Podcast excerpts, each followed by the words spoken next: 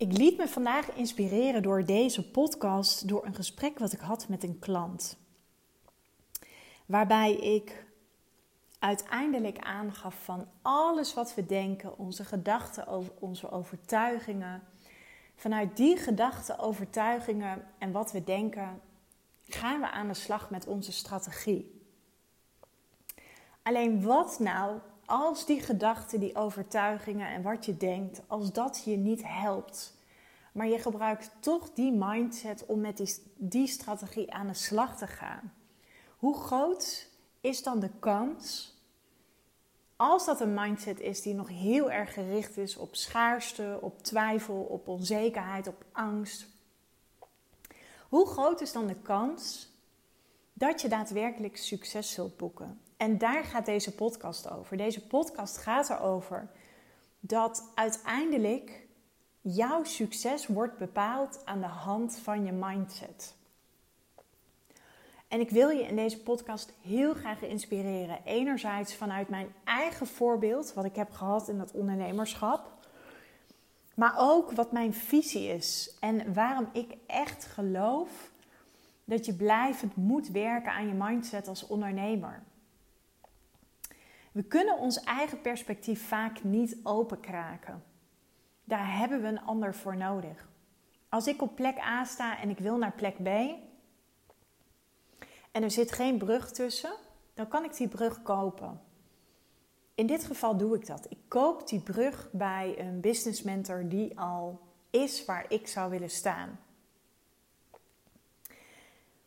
Alleen dat betekent wel dat ik nog op plek A sta als ik begin. Maar dat betekent ook om bij plek B te komen, zal ik ook onder andere mijn mindset moeten transformeren. En daarvoor koop ik die brug. Want ik weet dat als ik een transformatie koop, een transformatie aanga, dat gaat niet alleen maar over strategie. Dat gaat net zo goed over mijn energie. Dat gaat net zo goed over mijn mindset, maar ook over mijn leiderschapskills. En heel vaak leggen we de lat zo ontzettend hoog. Soms gaat het ook niet in het ondernemerschap zoals je zou willen. En soms moeten we dat ook gewoon even kwijt. En als we daar lang genoeg in blijven hangen, dan is dat angst en zitten we in gebrek. Oftewel, dan zitten we in het schaarste denken. Ik zeg heel vaak tegen mijn klanten: als je het oordeel loslaat, dan laat het jou vervolgens ook los. Vaak hebben we niet zozeer last van de emotie, maar het feit dat we een oordeel hebben over de emotie. Dat wat er ook niet goed gaat, dat wat er niet is. Want ik kan ook kijken naar wat er niet is of wat er niet goed is, maar ik kan ook kijken naar wat er wel mogelijk is. En dat is waarom ik zelf heel erg geloof in het kopen van die brug die jou van A naar B helpt. Want als je het kennelijk zelf had gekund, dan stond je al op plek B. Dan zat je misschien niet in frustratie of in tekort of, of lukte het je niet. Of was het je wel gelukt om zeg maar te groeien in omzet, in aantal klanten, in positionering, in zichtbaarheid. Dus ik neem je even mee in een situatie dat was, uh, is zo'n half jaar geleden, ik denk inmiddels acht maanden. Ik dacht op dat moment, ik zat, ik had eigenlijk net min of meer besloten met mijn ex om te stoppen met een relatie, een relatie van 20 jaar. En ik zat op dat moment ook even in schaarste. Ik dacht namelijk dat ik niet mijn bedrijf zou kunnen doorontwikkelen omdat ik midden in een relatiebreuk zou zitten. Ik voelde angst, ik voelde weerstand, ongemak. Ik had ook best wel wat oordelen over de emoties die ik op dat moment voelde, die we heel vaak veroordelen.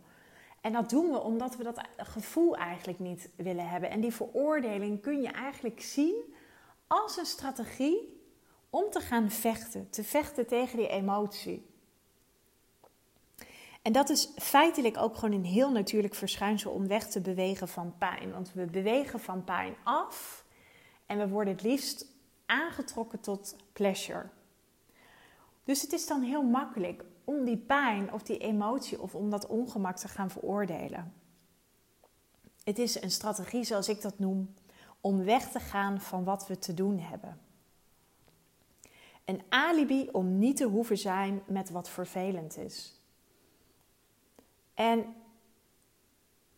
in mijn geval, het was geen toeval. Het was geen toeval dat op het moment dat ik mijn relatie beëindigde, dat ik op dat moment voelde en alle signalen kreeg vanuit Facebook. Ik, weet, ik heb je misschien ooit verteld in een podcast dat ik geblokkeerd bleef, keer op keer. Maar dat was allemaal geen toeval. Het was ook geen toeval dat mijn toekomstige businesscoach mij destijds toevoegde aan LinkedIn. Dat ik een podcast van haar beluisterde. Er waren zoveel signalen. Het was allemaal geen toeval. Het was voor mij het moment dat ik dacht van oké, ik kan me nu onder een deken gaan stoppen. En ik kan denken, wow, ik ben verdrietig, ik zit in een relatiebreuk. Ehm, en ik kan me, mijn relatie of ik kan mijn bedrijf niet doorontwikkelen. Dat had ik kunnen denken. Maar het was geen toeval. Problemen komen op je pad omdat je ze nodig hebt. Dus feitelijk had ik die relatiebreuk nodig om de kracht in mezelf naar voren te halen om ook mijn bedrijf verder door te gaan ontwikkelen. Kennelijk gebeurde dat, die relatiebreuk, waar ik natuurlijk zelf voor gekozen had in overleg met mijn ex, omdat ik het kon dragen. Ik was er klaar voor om zeg maar om ervoor te gaan, om vol voor mijn business te gaan, om daadwerkelijk mijn eigen broek op te houden, om er een heel groot succes van te gaan maken. Maar dat betekende wel dat ik mocht gaan kiezen. Bewust mocht gaan kiezen. En kiezen vinden we heel eng, want kiezen gaat altijd gepaard met angst. Kiezen betekent dat je eerst iets zult moeten loslaten om ruimte te creëren voor iets nieuws, zonder enige garantie op succes. Alleen dat brengt altijd een emotie met zich mee. Een ander voorbeeld is, en dit vind ik echt een super mooi voorbeeld. Ik uh, ontmoette al vrij snel een nieuwe man in mijn leven. En dit wist ik van tevoren natuurlijk niet, maar dit is veel meer mijn reflectie achteraf over de liefde, over eh, waar ik nu sta in die relatie. Um, zonder daar helemaal over uit te wijden, vind ik het even een mooi voorbeeld. Ik ben altijd uh, van relatie in relatie gegaan. Nou ja, kennelijk was dat de bedoeling. En uiteindelijk kwam er een man op mijn pad die zo geografisch een uur van mij afwoont. En nu achteraf weet ik waarom dat is. Had ik namelijk waarschijnlijk iemand nieuws ontmoet die heel dicht in de buurt had gewoond, dan was ik daar misschien wel heel snel mee gaan samenwonen. Nou, in dit geval is dat bij ons gewoon nog niet mogelijk, omdat we allebei nog kinderen hebben op de middelbare school en daar bewust nog niet voor kiezen. Dat zal op enig moment zal dat zeker gebeuren. Dus we hebben gekozen voor latten. Maar het was voor mij ook voor het eerst dat ik echt heb geleerd om helemaal alleen te zijn. Want zoals je weet zijn mijn meiden de ene week bij mij en de andere week zijn ze bij mijn ex. En ik ben mezelf best wel tegengekomen in die momenten dat ik alleen ben. Want het is niet zo dat ik in de week dat mijn kinderen er niet zijn, dat ik alleen maar met hen ben. Integendeel. Maar kennelijk was dit de bedoeling. Was het de bedoeling om ook te leren om heel goed alleen te kunnen zijn, om het ook heel fijn met mezelf te kunnen hebben. Dus waar ik dat misschien had kunnen zien als een probleem of in een enorme slachtofferrol had kunnen stappen, ja, heb ik het nu gezien als een enorme kans om kennelijk een oude wond die er nog in mij zit, om, om alleen te zijn, om die te kunnen helen. En dat is wat ik bedoel met denken, je manier van denken hoe je ernaar kijkt, dat wat je krijgt, ik zeg altijd, het universum geeft je niet zozeer wat je nodig hebt, of wat je wil moet ik zeggen, maar wat je nodig hebt. Dus op dat moment had ik dat nodig. Als alles namelijk altijd in het ondernemerschap gelijk perfect gaat, dan ga je niet uitgedaagd worden. En we hebben die uitdaging, we hebben die problemen nodig om te kunnen groeien. Als het namelijk niet gebeurt, dan zal je niet geïnspireerd worden om je blijvend te onderscheiden. En heel vaak zitten onze eigen belemmerende overtuigingen ons enorm in de weg. En dat heeft deels ook te maken met ons systeem van herkomst. Ook vanuit oude kindpijnen die we nog meedragen met ons. Ik droeg dus ook kennelijk nog een oude kindpijn met mij mee. Dat ik het heel moeilijk vond om alleen te zijn. Ik heb als jong meisje enorme heimwee gehad. Ik vond het altijd vreselijk om te moeten gaan logeren. Het ondernemerschap heeft dus echt 80% te maken met je, met je mindset. De resultaten die je boekt, die zijn inherent aan die mindset. En 20% is slechts een voortvloeisel vanuit je strategie. En dit is echt iets om te onthouden. De grootste transformaties ontstaan vanuit een krachtige mindset. Want jouw strategie, wat ik net al zei, jouw plan, die stel je op vanuit die, vanuit die mindset. Daarom geloof ik erin dat je iemand nodig hebt die jou helpt met die strategie. We kunnen onszelf niet helpen. Ik was van de week op een event en daar werd zelfs verteld: we kunnen allemaal thuis sporten als we willen vandaag de dag. We hoeven YouTube maar aan te zetten en we kunnen sporten. Maar er is geen mens die dit volhoudt en die dit doet. Er zijn er maar een enkeling. Ook ik niet. Ook ik moet mezelf accountable houden door een abonnement te kopen van een sportschool ze hebben daar ook nog eens een heel streng systeem. Je moet je daar inschrijven. Je mag je daar tot anderhalf uur van tevoren afmelden. Nou ja, dat heb ik dan wel weer in mijn systeem zitten dat ik dat niet doe. Maar doe je dat na die tijd, dan verlies je gewoon die les. Dan ben je hem kwijt. En dit is wat ik dus ook bedoel. We kunnen onszelf maar moeilijk helpen. Als we van A naar B willen kopen, komen, dan moeten we die brug kopen. Die brug kan zijn een abonnement bij een sportschool. Die brug kan zijn een personal trainer. Die brug kan zijn dat je aan de slag gaat met een business mentor of met een business coach. Vanuit jouw gedachten, jouw overtuigingen, ga je bijvoorbeeld aan de slag met je sales. Je marketing, je positionering. Alles vanuit die aspecten wordt bepaald vanuit jouw mindset. Maar ook hoe je naar jezelf kijkt als ondernemer. Uh, naar jouw waarde, maar ook naar jouw klant. Het is zelfs zo dat als jij een schaarste mindset hebt, dan zit je ook vanuit schaarste in je salesgesprekken. Dan ga je ook klanten aantrekken die ook in die schaarste mindset zitten. Zo werkt het met energie. En als je dat van jezelf niet weet, als je niet bij jezelf ziet dat je in dat schaarste denken zit, en nogmaals, dat vinden we heel moeilijk, dan zie je dat ook terug.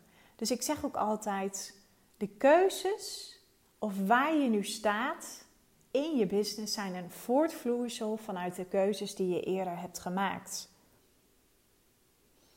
Maar ook je leiderschapskills, die vloeien ook voort vanuit die mindset.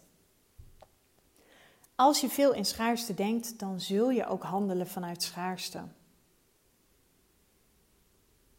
En het mooie is, en dit is een beetje een paradox, alles waarvan jij dus denkt dat het je niet dient, dient het je ergens dus wel.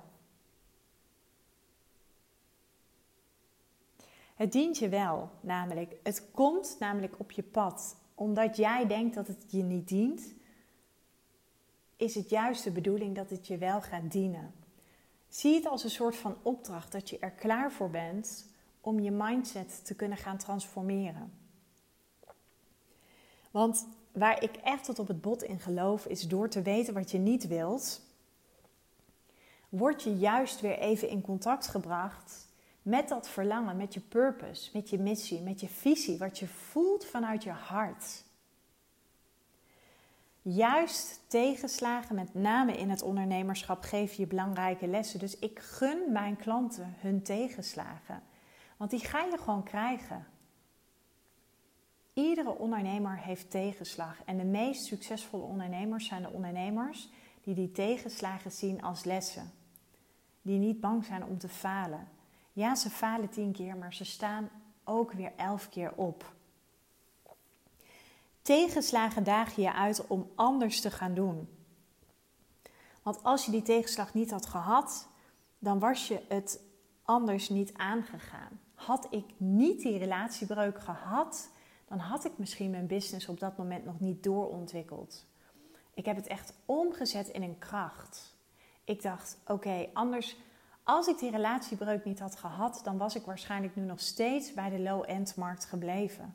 Maar ergens heeft, heeft dat, dat stuk tegenslag heeft me zo gebracht wat ik op dat moment nodig had. Dus gebruik hetgeen dat ook ongemak geeft om jezelf vervolgens weer aan te kunnen zetten. Zodat je ook weer gaat doen vanuit leiderschap, vanuit persoonlijk leiderschap. Want alle ondernemers met wie ik samenwerk, die zijn slim. Die hebben enorm veel gelaagdheid. Ze hebben ook diepgang nodig in hun werk. En dat moet ook. Dat is ook waar ik enorm op stuur in mijn coaching. Dat is ook waar ik zelf enorm in getraind ben, ben door alle coaches die ik heb gehad. Want natuurlijk heb ik ook de neiging gehad om wel eens in een slachtofferrol te kruipen tijdens een traject. Ik kan me namelijk nog heel goed herinneren. Ik deed mijn allereerste, meest forse investering in een ondernemerstraject. En ik was enorm tegen mezelf aan het vechten. Ik was teleurgesteld. Ik was eigenlijk een beetje boos op mijn coach. Want voor mijn gevoel was ik enorm aan het zwemmen. Ik werd voor mijn gevoel niet in het peuterbadje gezet, maar ze heeft me gelijk in het diepe gegooid. Terwijl ik echt nog het gevoel had dat ik de bodem onder mijn voeten nodig had. Ik was in paniek. Dus mijn gedachte was echt van, hoe kun je me dit aandoen? Ik had hulp nodig en ik had het gevoel dat ik die hulp niet kreeg. Totdat ik me later realiseerde dat ik in een onwijze slachtofferrol zat. En wat ik deed was, ik projecteerde mijn eigen ongenoegens op mijn coach, op dat traject. En op het moment dat ik dat realiseerde, zette ik dat juist om in kracht. En ik weet nog dat die coach mij daar ook op wees. Die wees mij op mijn eigen verantwoordelijkheid, op mijn vermogen om leiderschap te nemen. Het was namelijk ergens maar een overtuiging dat ik dacht dat ik zou verdrinken. Dat was omdat ik zo dacht. Omdat ik kennelijk het niet anders kon zien of het niet wilde zien. Dus ik ging vervolgens kijken hoe ik die ervaring kon omzetten in een les. Een les waaruit ik kon leren. Ik was niet, tenslotte niet voor niets in dat traject gestart. En al die emoties die ik voelde, die gingen enorm gepaard met mijn eigen slachtofferhouding. Maar die slachtofferhouding was natuurlijk killing voor mijn energie. Vanuit die energie ging ik ook geen klanten aantrekken. Terwijl als ik heel goed had geluisterd en het oordeel had losgelaten over die emotie die ik ervaarde, dan was ik tot de ontdekking gekomen dat die emotie mij eigenlijk iets kwam vertellen. Terwijl ik in verzet ging. Die emotie liet mij namelijk zien dat ik het wel kon. Emoties zijn altijd moverende energie. Dus ik kon de negatieve kant bekijken, maar ik kon het ook om gaan zetten in kracht. En ik stelde mezelf dus ook de vraag: wat is er nu wel mogelijk? Dus mijn houding veranderde gedurende dat traject ook van slachtoffer naar ondernemer. En wat ik deed was, ik stelde me open. Ik liet me helpen. Ik ging niet meer vechten tegen mijn eigen emoties. Ik ging niet meer vechten tegen mijn coach, tegen het traject. Ik mocht openstaan voor de hulp die ik kreeg. Ik mocht openstaan voor het vertrouwen dat ik mocht hebben in die coach. Want natuurlijk wist die coach precies wat ik nodig had. Maar wat ik deed was ik viel terug in een oude overlevingsstrategie. Dat is namelijk wat we doen. Als we het zwaar hebben, als we getriggerd worden, als we uitgedaagd worden.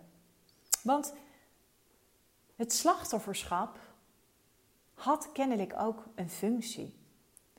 Als slachtoffer hoefde ik namelijk heel comfortabel niet de leiding te pakken, geen verantwoordelijkheid te pakken.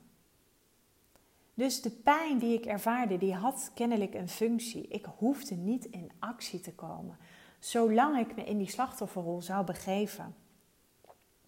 Terwijl ik ergens ook wist dat ik niet voor niets dat traject was aangegaan. Ik had namelijk hulp nodig. Ik moest en zou die business van de grond krijgen. Ik stond op plek A en ik wilde naar B. En ik had een brug gekocht om van A naar B te komen. Maar wat deed ik? Ik was alleen maar aan het schoppen tegen die brug. En ik, en ik wees dus die hulp constant af. Dus het was dankzij mijn eigen saboterende gedrag dat ik op plek A bleef. En daar gaf ik de ander de schuld van. Dus wat ik dus deed, was ik stelde me open. Ik ging me uitspreken. Ik stelde me kwetsbaar op. Ik ging mijn behoeftes delen. Ik ging steeds meer vragen stellen. Ik ging nadenken over de kwaliteit van de vragen. Ik ging nadenken over wat heb ik nu nodig? Hoe kan ik nu uitreiken naar mijn coach? Hoe kan ik mijn vraag zo formuleren dat ik ga krijgen wat ik nodig heb? Daardoor werd er een bepaalde laag in mezelf geraakt zodat ik iedere keer leerde vertrouwen en een bepaald vermogen in mezelf opbouwde om iedere keer tot de kern te komen van wat ik nodig had. En dat is, dat is niet makkelijk in het ondernemerschap, om te formuleren wat je nodig hebt als je niet weet wat je nodig hebt. En toch is het heel belangrijk dat je dat leert bij jezelf. En dat start dus om uit die slachtofferrol te komen. Vervolgens implementeerde ik alles wat ik leerde. Ik stapte over mijn eigen schaduw en ik liet me vanaf dat moment coachen. Vanaf dat moment wierp dat zijn vruchten af. Omdat ik me niet meer verzette. Mijn hele energie shifte vanwege mijn nieuwe houding. Dagelijks vanaf dat moment ben ik ook heel bewust gaan journalen. Journalen zorgt ervoor dat ik die diepere lagen in mezelf kan raken. Dat ik mezelf goede vragen kan stellen. En als ik mezelf goede vragen kan stellen, dan kan ik mijn coach ook goede vragen stellen. En de kwaliteit van je vragen bepaalt de kwaliteit van de antwoorden die je krijgt. Maar ook ging ik kijken naar wat er wel was. Ik ging aan de slag met het oefenen van dankbaarheid. Wat kan wel? Wat is er nu al wel? Waar kan ik al heel blij en dankbaar voor zijn?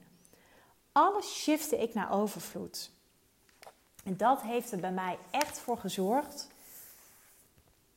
Dankzij die krachtige ondernemersmindset die ik toen aan het ontwikkelen was, dat ik heel snel resultaat behaalde. Dus ik heb echt van de shit die ik op dat moment voelde, de worsteling die ik doormaakte, het verzet, het schoppen tegen de brug die me van A naar B zou brengen. Wat natuurlijk eigenlijk hartstikke raar is dat ik dat deed.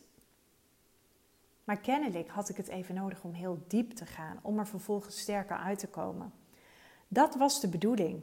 Ik had die zwengel nodig, zodat ik mijn mindset ging transformeren. Dus het ging niet zozeer over die strategie. Nee, ik had eerst iets te doen met mijn mindset. Die moest ik zien te transformeren naar overvloed. En mijn coach heeft destijds heel goed gezien dat dat een proces was van mij. Al die oordelen die ik namelijk had, want ik had best wel wat oordelen, die hielden mij weg van mijn succes, van wat ik werkelijk te doen had. En toen ik me openstelde, toen kreeg ik de houding van de leerling in plaats van de houding van de slachtoffer. Want oordelen zijn killing voor je groei. Die zorgen ervoor dat je in een slachtofferrol terechtkomt. En ik zeg altijd: slachtoffers zorgen niet alleen heel slecht voor zichzelf, maar ook voor anderen. Het laat je aandacht gaan daar waar je het niet wil. Ik viel, als ik het nu zo analyseer, viel ik terug in een oud kindstuk. Ik ging me echt als een kind weer gedragen. Ik wilde namelijk gedragen worden. Ik projecteerde iets vanuit het verleden op het heden. En dat is ook niet zo gek, hè? want als je terugvalt in een oud kindstuk, dan zit je ook echt weer even in die oude kindpijn. Dus dan ben je op dat moment ook echt een kind. En wat het ontbrak bij mij op dat moment aan een bepaalde emotionele volwassenheid, omdat ik ook in dat oude kindstuk zat. Ik wilde ook echt gered worden, ik wilde gedragen worden. Ook wel de klassieke drama-driehoek van redder, slachtoffer en helper. Maar dit allereerste traject waarin ik investeerde, heeft me immens laten groeien. En de coach met wie ik samenwerkte, die zag dat. Die heeft er bewust voor gekozen om mij te laten. Om mij niet te helpen, maar mij constant te spiegelen. En doordat ze me constant spiegelde, ging ik in het begin enorm in verzet, in frustratie. Oftewel, ze gaf me niet wat ik wilde, maar wat ik nodig had. En dat is ook wat ik precies doe bij mijn klanten. En dat is wat ik zelf ook verwacht van een coach. Dat rechtvaardigt ook waarom je, als je een high-end aanbod verkoopt, je ook hoge prijzen kunt vragen. Het was natuurlijk ook absurd geweest als mijn eigen coach mijn verantwoordelijkheden destijds had overgenomen. Vanuit een bepaalde please-rol, vanuit de angst dat ik anders ontevreden zou zijn, vanuit de angst dat ik anders zou gaan stoppen. En in die end kan ik alleen maar zeggen dat ik haar super dankbaar ben. Want dat heeft mij echt laten inzien dat dat haar ook destijds rechtvaardigde om hoge prijzen te vragen voor de diensten die ze leverde. En ik kan niets anders zeggen dan dat dat een enorm knap staaltje leiderschap is. Zij was namelijk niet bezig met haar ego. Was ze namelijk bezig geweest met haar ego, dan was ze dus gaan pleasen. Dan was ze mij gaan redden. Dan ging ze mijn verantwoordelijkheid dragen voor al mijn emoties. Terwijl ik altijd zeg: je moet het aapje laten zitten waar die zit, op de schouder van de ander. Want het waren mijn emoties. En wat ik al zei, ik doe dat in mijn trajecten ook niet. Ik neem geen emoties over van mijn klanten. Al mijn klanten mogen gefrustreerd zijn, ontevreden zelfs zijn, weerstand voeden. Maar wat van hen is, laat ik echt bij hen. En natuurlijk ben ik die safe space. Natuurlijk mogen al die emoties er zijn. Maar ik ga niemands emoties dragen. Ik ga ook niemand dragen. Dat zou namelijk super egoïstisch zijn als ik dat zou doen. Dan ontneem ik op de eerste plaats die ander een heel mooi groeiproces, terwijl je dat groeiproces nodig hebt om te groeien als ondernemer. En dan zou ik heel erg handelen vanuit schaarste vanuit pleasen. Want pleasen is natuurlijk puur schaarste denken, schaarste handelen. Juist doordat wat jij tegen je klant zegt, wat anderen niet zouden doen, doordat je je klant confronteert met haar bullshit, rechtvaardigt dat jou om hoge prijzen te kunnen vragen. Dus de vraag die je jezelf ook kan stellen is: als je kijkt naar je situatie en je zit bijvoorbeeld een keer in een slachtofferrol, wat iedereen wel eens kan gebeuren. Weet je, we zijn ergens ook allemaal mens en we hebben ook allemaal oude kindstukken die we met ons meedragen. Maar je voelt het snel aan je energie. Die wordt zwaar, je komt niet meer vooruit. Je voelt dat je je vaak een beetje wilt afzetten tegen de ander, dat je de schuld of dat je voelt dat je een oordeel hebt. Ga dan even terug naar jezelf. En stel jezelf open en stel jezelf de vraag: wat kan ik juist van die ander leren nu op dit moment? Wat kan ik van deze situatie leren? En hoe kan ik dit omzetten in een enorme kracht? Raap het vervolgens op, raap jezelf op en zet het om in kracht. En dat is wat mij betreft waar het om gaat in het ondernemerschap.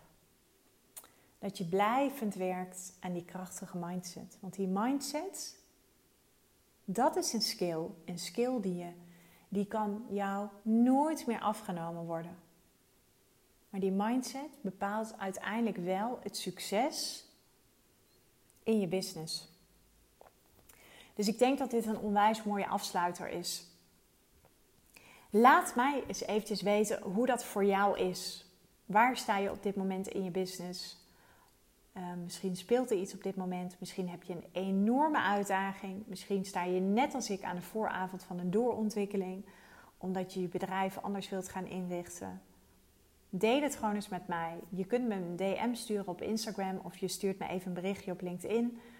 En ik vind het altijd leuk om even van je te horen en ik zal zeker mijn reactie geven. Voor nu wil ik je bedanken voor het luisteren naar deze podcast en tot later.